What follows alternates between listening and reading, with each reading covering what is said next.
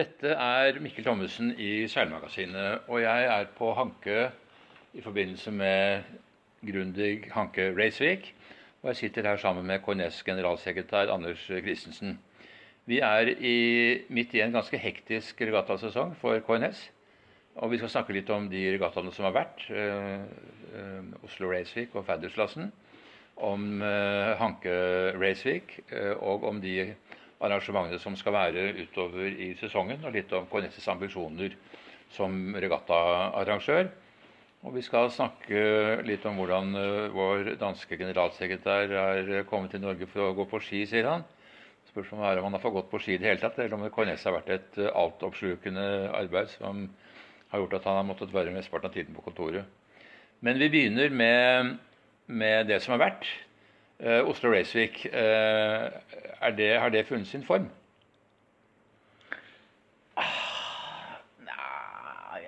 jeg, jeg syns ikke helt det, men uh, vi har kommet noen steg uh, nærmere, nærmere en, sånn, en, en form som uh, funker. men det er svært utfordrende å få overbevist seilerne om at det er helt ålreit å seile regatta innen Indre Oslofjord.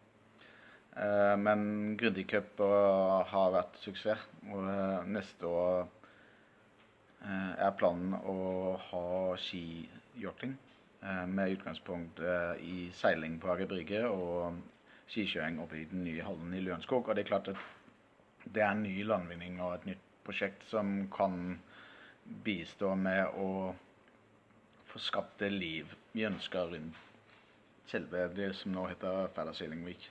Men, men, så vi har ikke helt funnet en form som vi hadde ønsket. Og så til det store spørsmålet Færdersklassen. Eh, det er vel eh, et faktum å si at deltakelsen fremdeles er litt eh, skuffende. Det er halvparten av det det har vært på det meste. Og årets Færdersklass har vært den svakeste deltakelsen i dette århundret. Og det er to spørsmål knyttet til det. Det ene er hva skyldes den tilbakegangen? Og hva kan man gjøre for å øke deltakerantallet igjen? Og La oss ta det første spørsmålet først. Hva skyldes tilbakegangen, tror du? Ja, det er supervanskelig spørsmål. Det, hvis jeg visste det, hadde vi gjort med noe, noe med det med en gang. Så hadde vi tatt tak i det.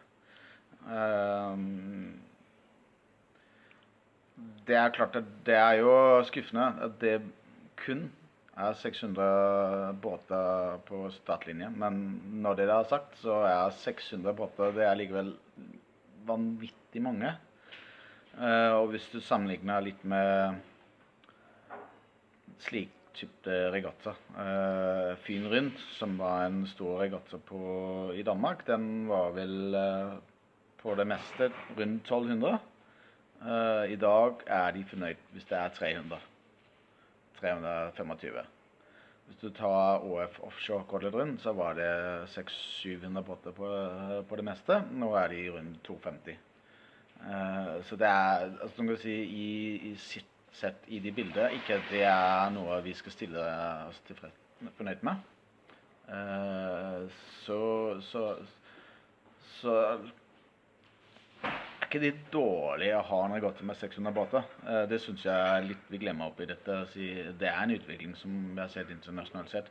Når det er sagt, så har vi selvsagt en drøm og et ønske om å, få, å komme tilbake.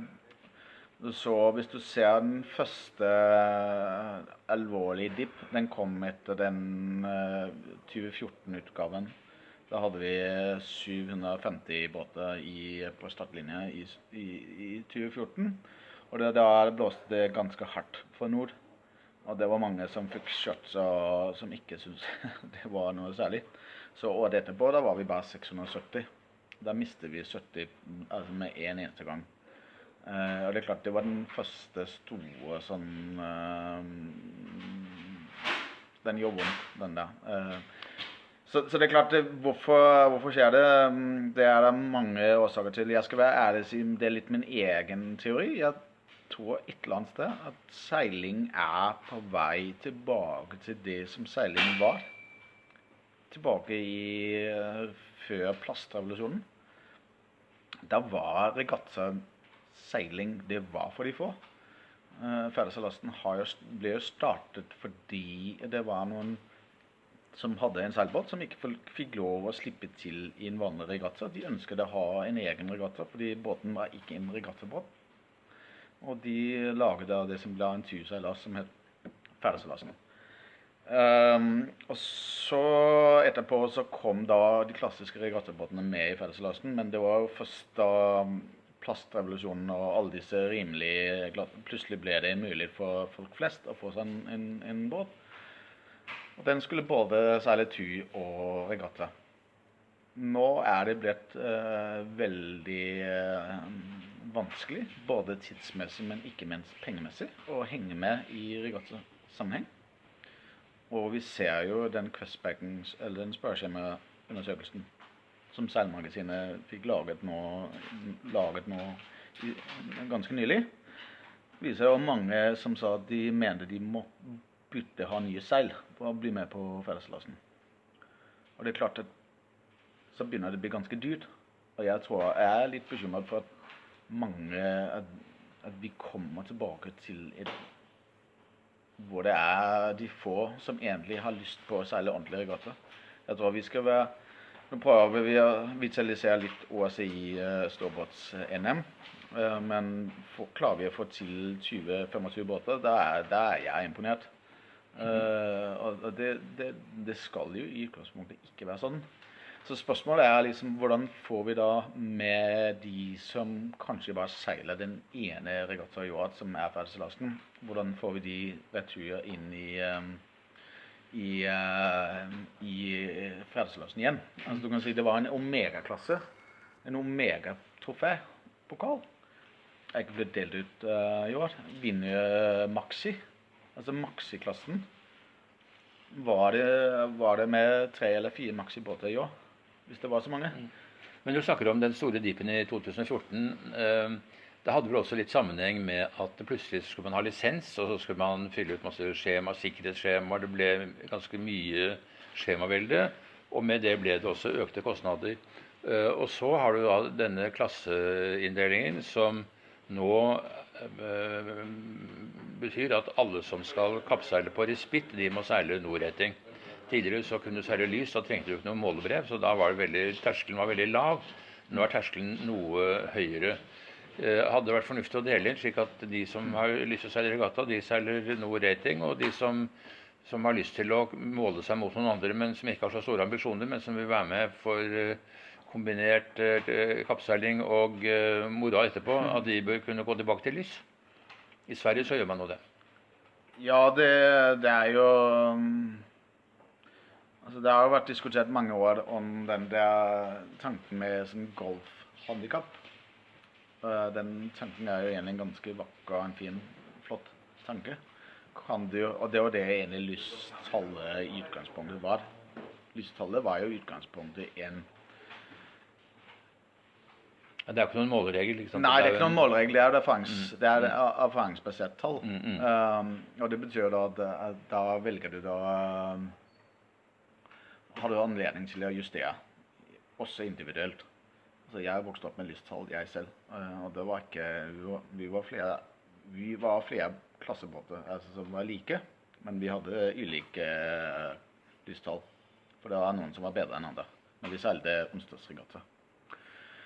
Eh, så er det klart det, men, men, hvis du skal tilbake til det jeg, jeg Helt sikkert det å finne en enklere terskel for å komme seg inn på regattabanen og ha litt å måle seg mot, uh, hadde vært en, uh, sikkert vært en hjelp. Uh, og sikkert løst mange utfordringer. Men det er ikke en, en KNS-greie, det er en Norges Seilforbunds-greie. Fordi vi kan ikke gjøre det på eget initiativ, selv om vi vil ønske det. og si ok, nå gjør vi det. Da, da kan ikke vi gjøre det. du må ha, Det er en det er et seilforbund som eh, skal gå først med det.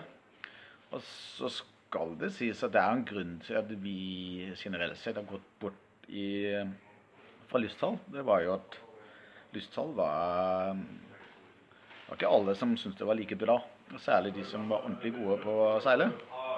Syns jo at uh, Syns vel kanskje ikke det var helt rimelig. Og satt du en klasse med mange flinke, gode seilere, så ble jo det lysttallet sakte, men sikkert økt.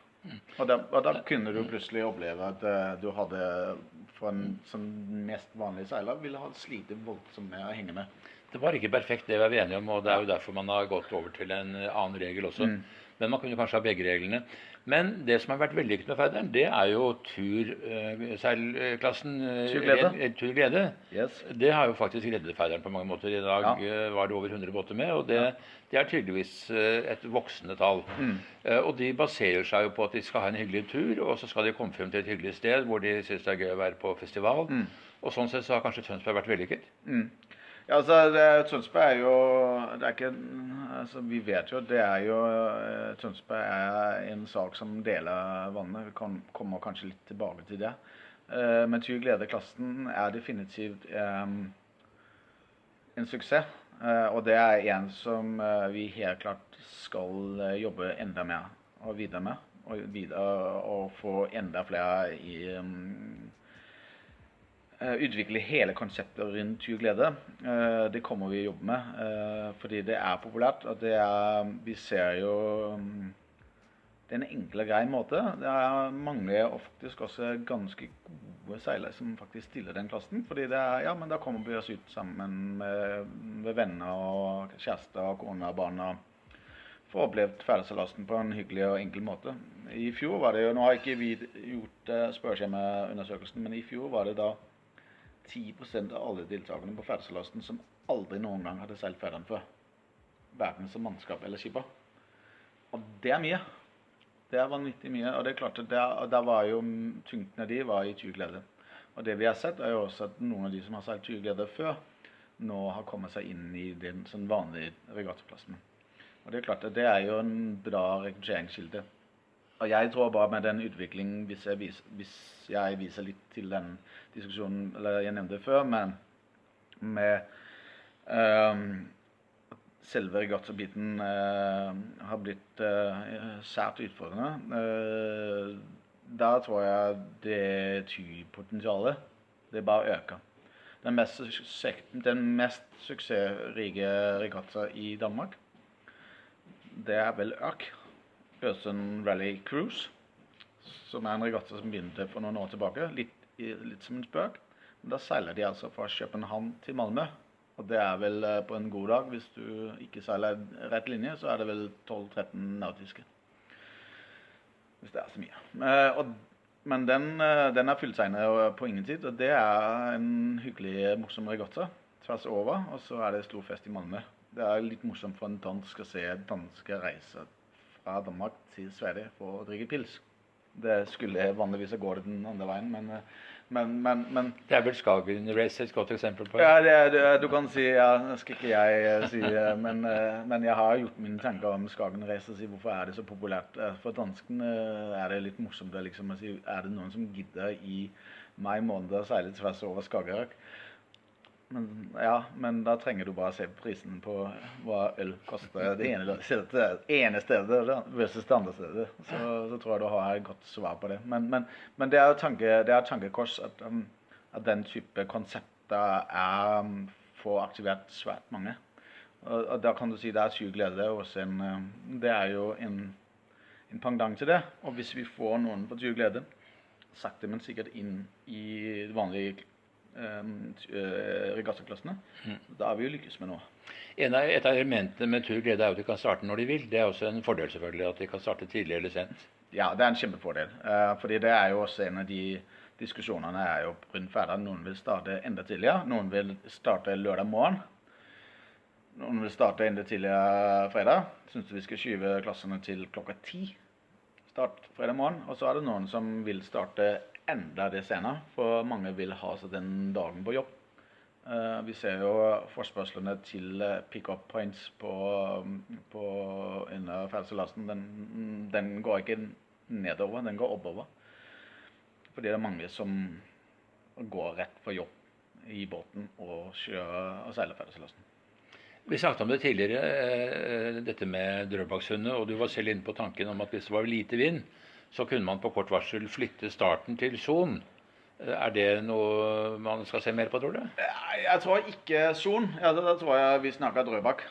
Uh, det er klart at det er noe av det som vi kommer når vi skal sende ut spørreskjema til seilerne når, vi er litt ferdig med våre egne evalueringer.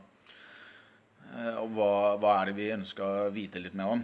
Så er det klart at et alternativ det er altså Nå har vi tre år på hatt ganske lite vind, faktisk. Det har egentlig vært tre fjellsalosser som har vært veldig trege og sakte. Um, og det er klart at da er det mange som bringer opp det spørsmålet med det der Drøbaksundet og driving i Drøbaksundet. Hvor lenge vi skal holde på med det.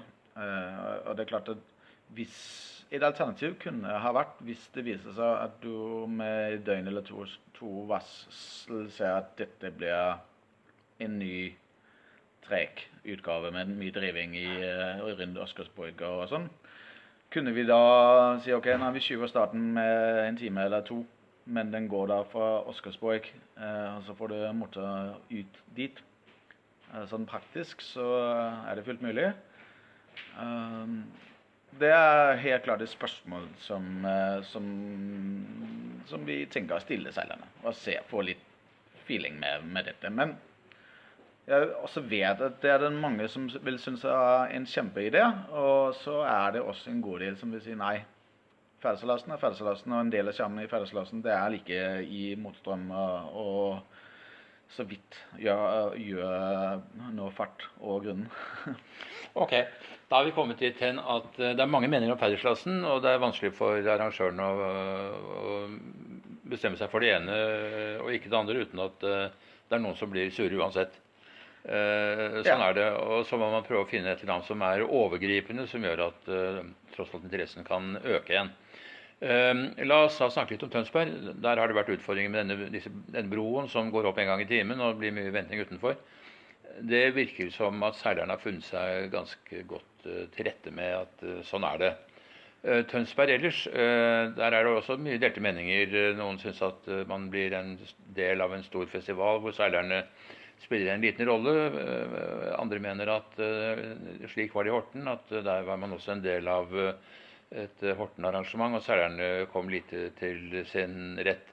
Eh, hvilke erfaringer har du etter to år, til tre år faktisk er det nå i Tønsberg? Nei, Du kan jo si at uh, i år var vel uh, den beste utgaven vi lykkes med til nå. I forhold til uh, både logistikk og oppsett og konserter og så vi har også lært mye eh, hva som virker og hva som ikke virker. Uh, ja, det er delte meninger, og, og, i gamle dager var allting mye bedre. Uh, jeg, men jeg satt i forkant av den parten her, da satt jeg og leste gjennom alle tilbakemeldingene vi fikk i Horten. Da vi laget spørreskjemaundersøkelsene på den tiden. Uh, og da, der fikk han altså en god del juling, for å si det sånn. Uh, og det var mye kritikk og, det, og, og knyttet til det arrangementet. Så, noen er fornøyde, noen er misfornøyde, og sånn, men, men, men, det som jeg syns er det viktigste spørsmålet opp i dette, det er å si OK Er Fellesalasen en folkefest hvor seiling viser seg fram én gang i året for folk flest. Det er ikke, det er ikke noen hemmelighet. Det sitter ikke, nå har, sitter vi på Hanke, og det er Hanke Brisvik. Det er mye folk her, men det er jo folk som er med på regatta. Det er ikke akkurat en til, tilskuerevent med tusenvis av tilskuere og stor interesse. Uh, og det, det, sliter vi litt med. Men Færdeslasten er den, kanskje den eneste regatta vi har i landet hvor det faktisk er en interesse, hvor vi får anledning til å vise frem sporten får anledning til å vise frem eh, drømmene og sånn. Og det er mange som går på brygga i Tønsberg og så tenker å, der skulle jeg ha vært. Det kunne vært morsomt. Og kanskje du finner ut at sporten allikevel er ganske tilnærmelig. Og da er liksom er Færdersalasen, og det mener jeg personlig, er den ene gang i året vi har anledning til å, å gjøre litt stas og vise oss frem og, og vise by litt på oss selv. Fordi alternativet Vi kunne jo finne en ny plass og så lage en, en hel egen uh, seilerfest etterpå. og liksom lage litt som på mange måter slik vi gjør her i forbindelse med Hunker Race Week. er det jo en diger, gigantisk seilerfest. Det er vel 500 mennesker på festen etterpå. Men det er bare å seile. Det er fullt mulig. Men, men da blir det bare en helt annen økonomi. Da vil jeg tro at vi må lage en påminnelse på rundt 5000 per båt. Eh, I dag er det liksom 1500. Eh, men det er bare en helt annen kostnadsbase i dette. Og hvis, eh, Nå har vi fått også kjeft for at det er for dyrt å seile Færderseilasen. Det har vi også fått mye tilbakemeldinger på. Og da er det liksom å si OK så Det er mulig å gjøre det andre, men da er er det bare en helt annen oppsett, en helt annen økonomi knyttet inn mot dette. Nå har dere da arrangert Færderen i år, og dere har gjort uh, deres egne erfaringer. I tillegg så har Seilmagasinet foretatt en uh, spørreundersøkelse blant bladets lesere og fått en god del svar som du helt sikkert vil få tilgang til og vil kunne gjøre dine egne, ja. Ja. dine egne refleksjoner. Og KNS skal også gjøre sine egne undersøkelser blant uh, Færder-seilerne. Så det betyr at dere vil ha et ganske godt grunnlag til å fatte videre beslutninger. Dere vil sikkert ikke få noen entydige svar, men, men dere vil få en del innspill som dere kan uh, lytte til, mm. og som gjør det mulig å kunne gjøre endringer hvis uh, man vil. Så da tror jeg vi setter strek med Færderen. Vi kommer ikke noe særlig lenger med det, men uh, Færderen er kommet for å bli. Det kan vi vel trygt si. Helt sikkert. Uh, nå er vi på Hanke. Uh, Hanke Resvik er større enn på mange år. Det har vært fantastiske seileforhold i går første dagen, og i dag ser det ut til å bli like bra. Litt vanskelige vindforhold. Vinden er fra nord og så dreier litt, og det er mye strøm ute på banen. Men veldig fine forhold. Nydelig hankevær og veldig god deltakelse. Mye av den deltakerrekorden skyldes eh, at J70 er blitt en stor klasse med 34 båter med. og vi har fått 5,5-meterne eh, tilbake. De har vært borte i mange år. Nå er de tilbake. Riktignok veldig liten klasse. Men de er der? Men de er der, Og veldig høy kvalitet på deltakerne. Alle sammen er veldig gode. Ja. Eh, tre verdensmestere. Og vi har i tillegg åttemetere som er kommet tilbake. De har ikke seilt Hankeregatta siden 1958. Eh, de har jo seilt VM her, men, eh, men ikke, mm, ikke eh, vanlig hankeregatta. Og ifølge Tom Knutsen så blir det 7-8 meter til neste år. Sånn at uh, er i vekst også for de klassiske båtene. Um, hva, skyldes det at det er blitt så stor interesse for Hanke Racevik, tror? Nei, altså vi har selvfølgelig spille inn tilfeldigheter i, i, i, slikt. Uh, du har en som Knutsen Nå snakker du om åtte meter. Har du en som Knutsen som er en ordentlig pådriver i den klassen. Og evner å mobilisere og, dette. Uh, men, men, vi satte oss som et mål Jeg var med på første Hanke Wishvik i 2015. Sommeren 2015. Og der syns, der var, syns jeg det var mye å gå på. Eh, kvaliteten var for dårlig. Eh, og eh, det var litt for dårlig produkt. Så vi har jobbet intenst med å få skapt Hankewisvik til den viktigste klassebåtseventet i Norge. Det er at, at Hankewisvik skulle være et sted du bare måtte komme hvis du seilte klassebåt. Og da fikk vi med Grundig som hovedsponsor. Og, og, det gjør plutselig Det er mulig å få til noe av det vi ønsker å få til. Uh, og så uh, konseptet med at vi har tatt bort um, søndagen, hvor uh, vi får til en ordentlig premiedeling og fest lørdag kveld, har klart vært et positivt tiltak. Um, så vi har jobbet mye med dette og sørger for at seilerne syns det er gøy og hyggelig å få en hyggelig opplevelse. Og sørge for resten av Norden ved, får vite om Hanke. Altså Det som er superbra for Hanke, ja, det er litt klønete for de som bor på Vestlandet og kommer hit. Eh, men eh, for de som bor i Sverige og Danmark, da er det en ganske enkel reise. Eh, så det er strategisk like det riktige. Vakkert sted.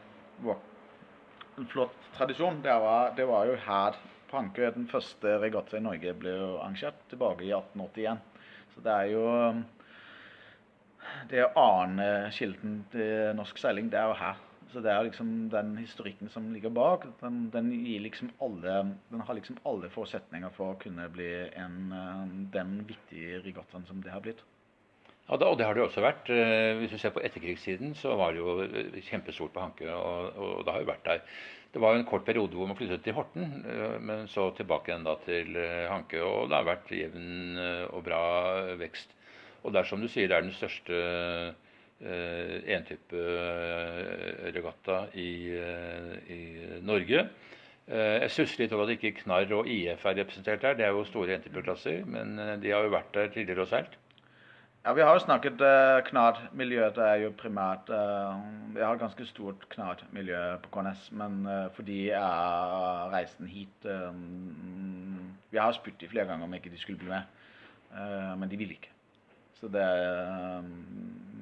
det er ikke fordi de ikke har fått invitasjon, si sånn, men, men, de vil ikke. De ønsker men, ikke. Men du snakket om det andre nordiske land. Nå etter gårsdagens seilas så er det jo et finsk lag som leder i J70. Det er et dansk lag som leder i draker. Ikke noen overraskelse for øvrig. Nei. Danmark er jo drakerlandet fremfor noe. Ja.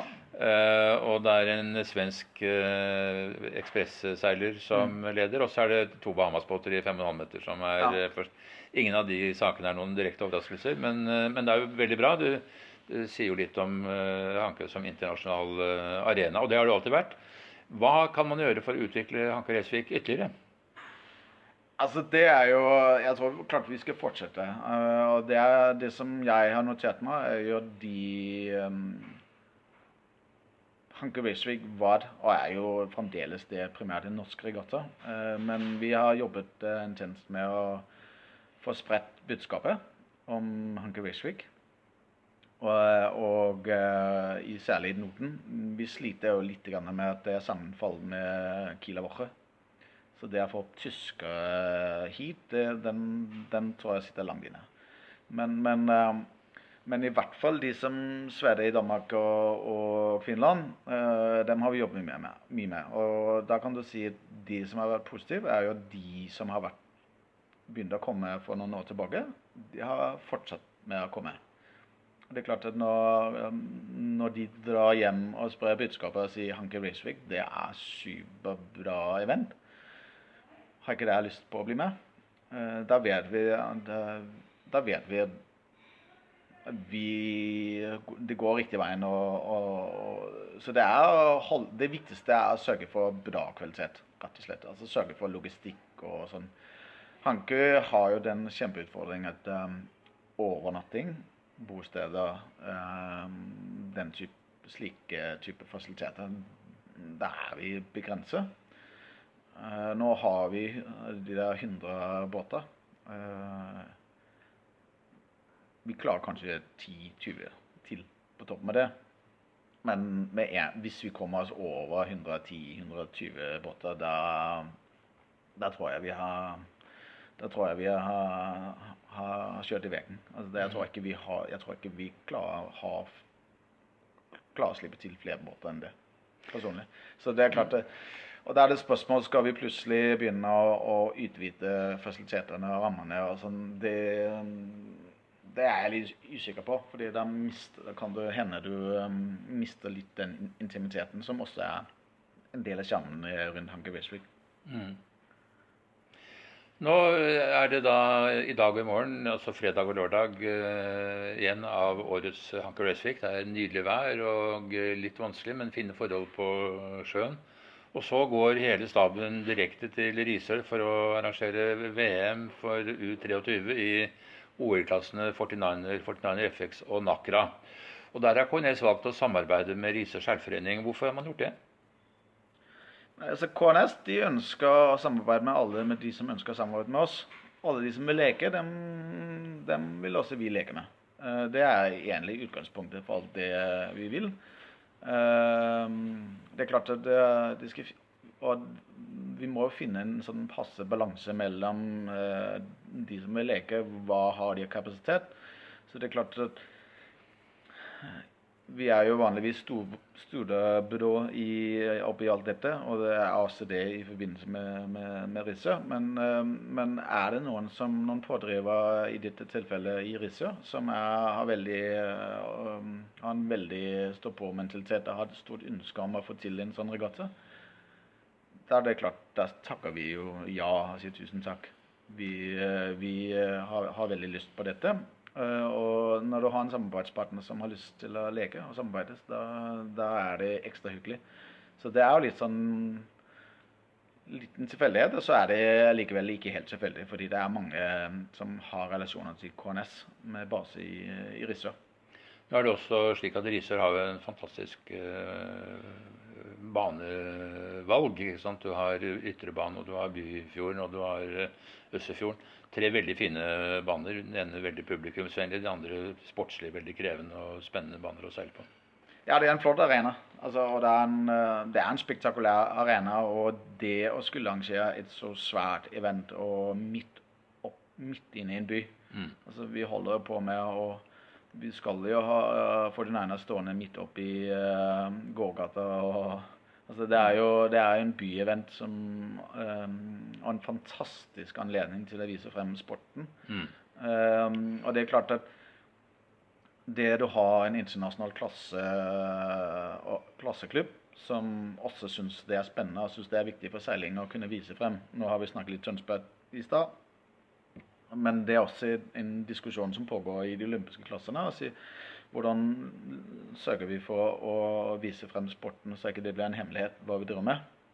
Uh, der er risseopplegget det Jeg har sett mye regattaer mange steder i verden, og det, jeg minner, minnes ikke å ha, sett noe som bare minner var litt om, om, det som vi skal prøve oss på nå i Rissa. Så det, det, blir, det blir spennende. Ja, eh, jeg har jo egne erfaringer med Risør, og ikke minst veldig gode erfaringer med kommunen, ordføreren og hans folk, som har vært veldig positive til eh, å gjøre Risør til en seilsportsby. Og de stiller opp på alle mulige måter, og det ser ut som de gjør nå også. Ja, jeg, er imponert over det byen eh, klarer å få til, og den støtte og interesse for det prosjektet.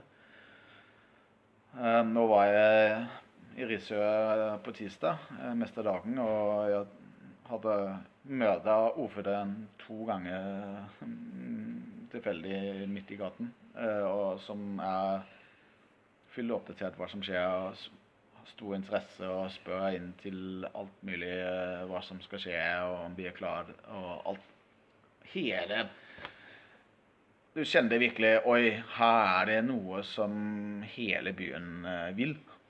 Uh, og det er jo Det finnes ikke noe mer hyggelig enn å komme et sted hvor du er så velkommen. Som også, det, var jo, det er akkurat det samme vi opplever i Tønsberg.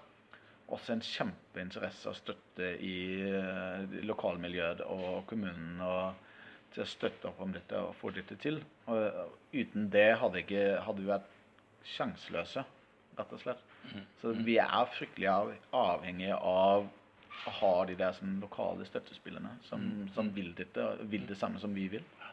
Det skal bli veldig spennende å se. Jeg skal være med selv og ha med presse å gjøre, så jeg gleder meg til det. Ehm, men eh, da er vi kommet eh, litt over halvveis i sesongen, og så er det ORC-mesterskap som KNS skal arrangere.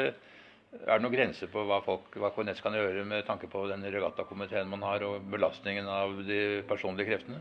Ja, det er selvsagt en grense. Det er en grense. Vi har også eh, NM eh, for Lasa og 29 eh, i begynnelsen av august. Nei, vi, og vi har også Hollendersalasen i samarbeid med Son selvforening og Norske Havkrysserklubben. Uh, nei, det er klart at uh, vi har strukket strikken uh, i år. Det er ikke noe å lure på. Um, men, men, vi er en privilegert seilforening med mye ressurser, og ikke minst en helt fantastisk flott gjeng av frivillige. Um, det har faktisk ikke vært vanskelig å opp, bemanne opp uh, regattaene. Det er egentlig ganske stor interesse, og vi er den litt merkelige situasjoner vi faktisk må uh, iblant må si, takke nei til frivillige. Altså, mm. Fordi vi har ikke en jobb. vi har ikke en rolle. Mm. Uh, og det er jo det er jo det er interessant. Så jeg tror egentlig akkurat nå er den største begrensningen vi har, den er egentlig på sånn profesjonelt nivå. Altså hvor mye uh, vi kan ta ut av de ansattes ressurser i, for å få til dette. Som, fordi vi er jo involvert i større eller mindre grad. Ehm, så det er klart Vi får mange forspørsler Det er ikke mange, men vi, ja, vi får en god del forspørsler. Det er interesse hvert år eh, fra andre seil, seilforeninger andre aktører som ønsker å ha KNS med i eh, masse forskjellig. Um, og da takker vi er begynner å takke nei, eller vi takker nei til faktisk mye. Vi gjør det. Jeg bare skal se på denne, her, sånn, se hvor vi står igjen her. Skal vi se.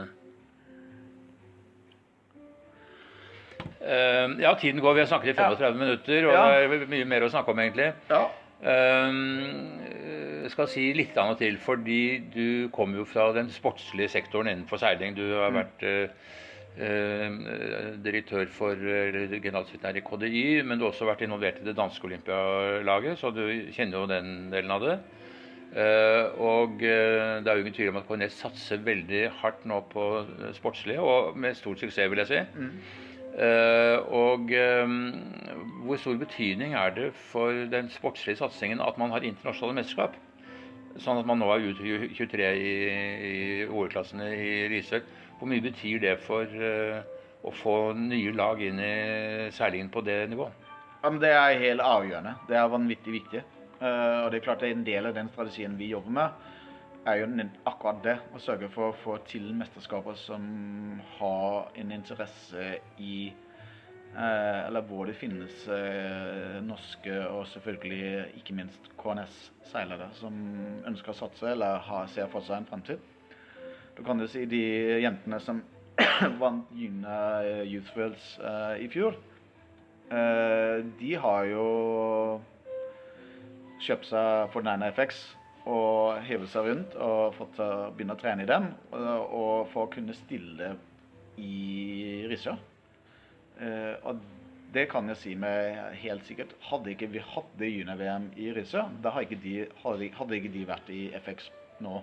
Da, de ville komme dit uansett, det er helt sikkert, men da hadde de gjort det skiftet litt raskere enn eh, og vi har fått de over nå, og det er bra timing. Sånn, eh, vanligvis da er det slik at hvis du skal uh, satse i, uh, i år 2024 i Paris Hvis du skal dit, da skal du egentlig begynne nå. Et år før før eh, det foregående eh, det førstkommende OL, så du har fem år på seg. Mm, mm. Så, så da kan du si det du har disse eventene, de regattaene, det, det bygger Det skaper interesse. Mm. Um, det er svært viktig da vi begynte å seile satse på øya 70. eh, det var jo veldig Det var det mange som, det var mange som hadde mange meninger om den satsingen på J70. Det er ikke noen eh, det er ikke noe å lyve på. Det, det var også viktige og tunge, tunge tungvekter innen norsk seiling som hadde mening om dette. Men det var viktig både å få til klassen, men også få bygget noen bra events med Hanker Reshvik, med Grundig Cupen, Sailing Cupen, og få til eh, dette. Det, det er svært viktig å sørge for For ikke å si Seilsportsligaen. Eller Sarpsborgsligaen for den saks skyld. Mm. Akkurat det samme. Det, var, s- det er svært viktig å få bygget det så det er så det ikke ja, Nå kjøper man en ny båt. og OK, gratulerer med den nye båten, men hva skal jeg med den? Mm. Uh, så det er viktig å få til eh, at ikke du må reise halve jula rundt Mm. for å, å slippe til noe regatta og aktivitet, og særlig på høyt nivå. Mm. Fordi Norge er jo Vi er ikke akkurat, vi er ikke akkurat verdens eh, sentrum innen, eh, innen seiling. Eh, og det betyr da at hvis du på noen ganger skal lykkes med å få internasjonale seilere til å komme hit, da må du ha noe å by på. Altså Du må ha mesterskaper eller viktige events. Mm. Eh, og det, det er svært viktig fordi nivået i norsk, innen norsk seiling er generelt sett De som er gode, er veldig gode, men vi har bare ikke veldig mange av de.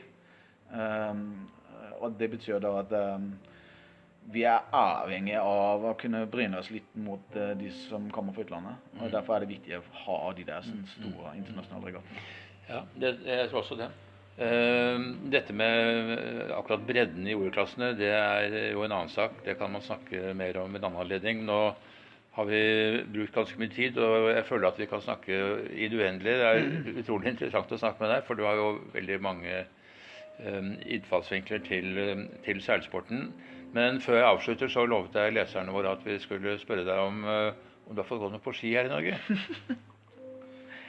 Ja, jeg har fått gått mye ski. Jeg, har hel ja, jeg er så privilegert at jeg har to barn som, som er inne i tre barn, men de to eldste er veldig aktive innen eh, respektive alpint og langrenn. Så jeg får sett en god del ski. Og får også litt iblant eh, snege meg ut på ski. Eh, det er ikke så mye som det har vært. Eh, jobben tar tid, men, og barna tar tid. Så, men jeg får gått litt Jeg får gått litt langrenn iblant. Jeg gjør det. Trives, trives du Norge? Ja, veldig. Jeg er veldig glad i å være her. Jeg syns det er morsomt å Det er ganske stor kulturforskjell mellom Danmark og Norge. Det, det er det. Uh, og den skjønner du først når du begynner å bo der. og, um, og jeg, tror er, jeg tror det er bra for så det er bra for din egne personlige utvikling å oppleve en annen kultur enn den danske som jeg nå er vokst opp med. Å oppleve en norsk kultur. Det, det gir en Det utvikler deg selv som person. Og det er klart at det syns jeg er, personlig er spennende. Så, så, sånn isolert sett og egoistisk sett, da har det jo vært en kjempeopplevelse for meg å ha vært disse fem årene i Norge. Helt klart. Har du noen tidshorisont? Eh, nei, eh, altså jeg er lov bygd opp i huet mitt slik at, eh, at, jeg er der hvor jeg er. Og, og jeg, er sånn, jeg er ikke sånn veldig god på sånn langtidsplanlegging. Jeg husker godt, veldig godt da jeg dro hjem eh, i mars måned i 2014 og sa til kona at jeg tror faktisk vi skal til Norge. Og liksom eh, Hva tenker du om det? og jeg har jo vært, eh, har vært privilegert med en flott kone, dame, som uh, alltid har sagt at uh, å være gift med deg, det er expect unexpected. Så hun var jo Hun syntes jo det var spennende, og barna syntes også det var spennende. Så, så jeg er litt sånn uh, jeg, er ikke veldig, jeg er ikke veldig god på det der sånn planlegging, og jeg har nok noen tanker og ideer og sånn, men, men, men, men det blir alltid litt sånn Ja, men skal vi prøve på det, da? mm, mm. Vi får avslutte denne samtalen og ønske deg lykke til med både sesongen og med fremtiden. Og, takk. og, eh, som sagt, veldig spennende å snakke med deg. Det blir sikkert flere samtaler. Håper det. Det skal være hyggelig. Ja. Stille, opp, stille, gjerne opp. Nå nærmer vi oss uh, OL òg. Da, ja, da kan vi snakke mer om det. Da kan vi snakke mer om det på høsten. Absolutt. Takk for samtalen. Bare hyggelig.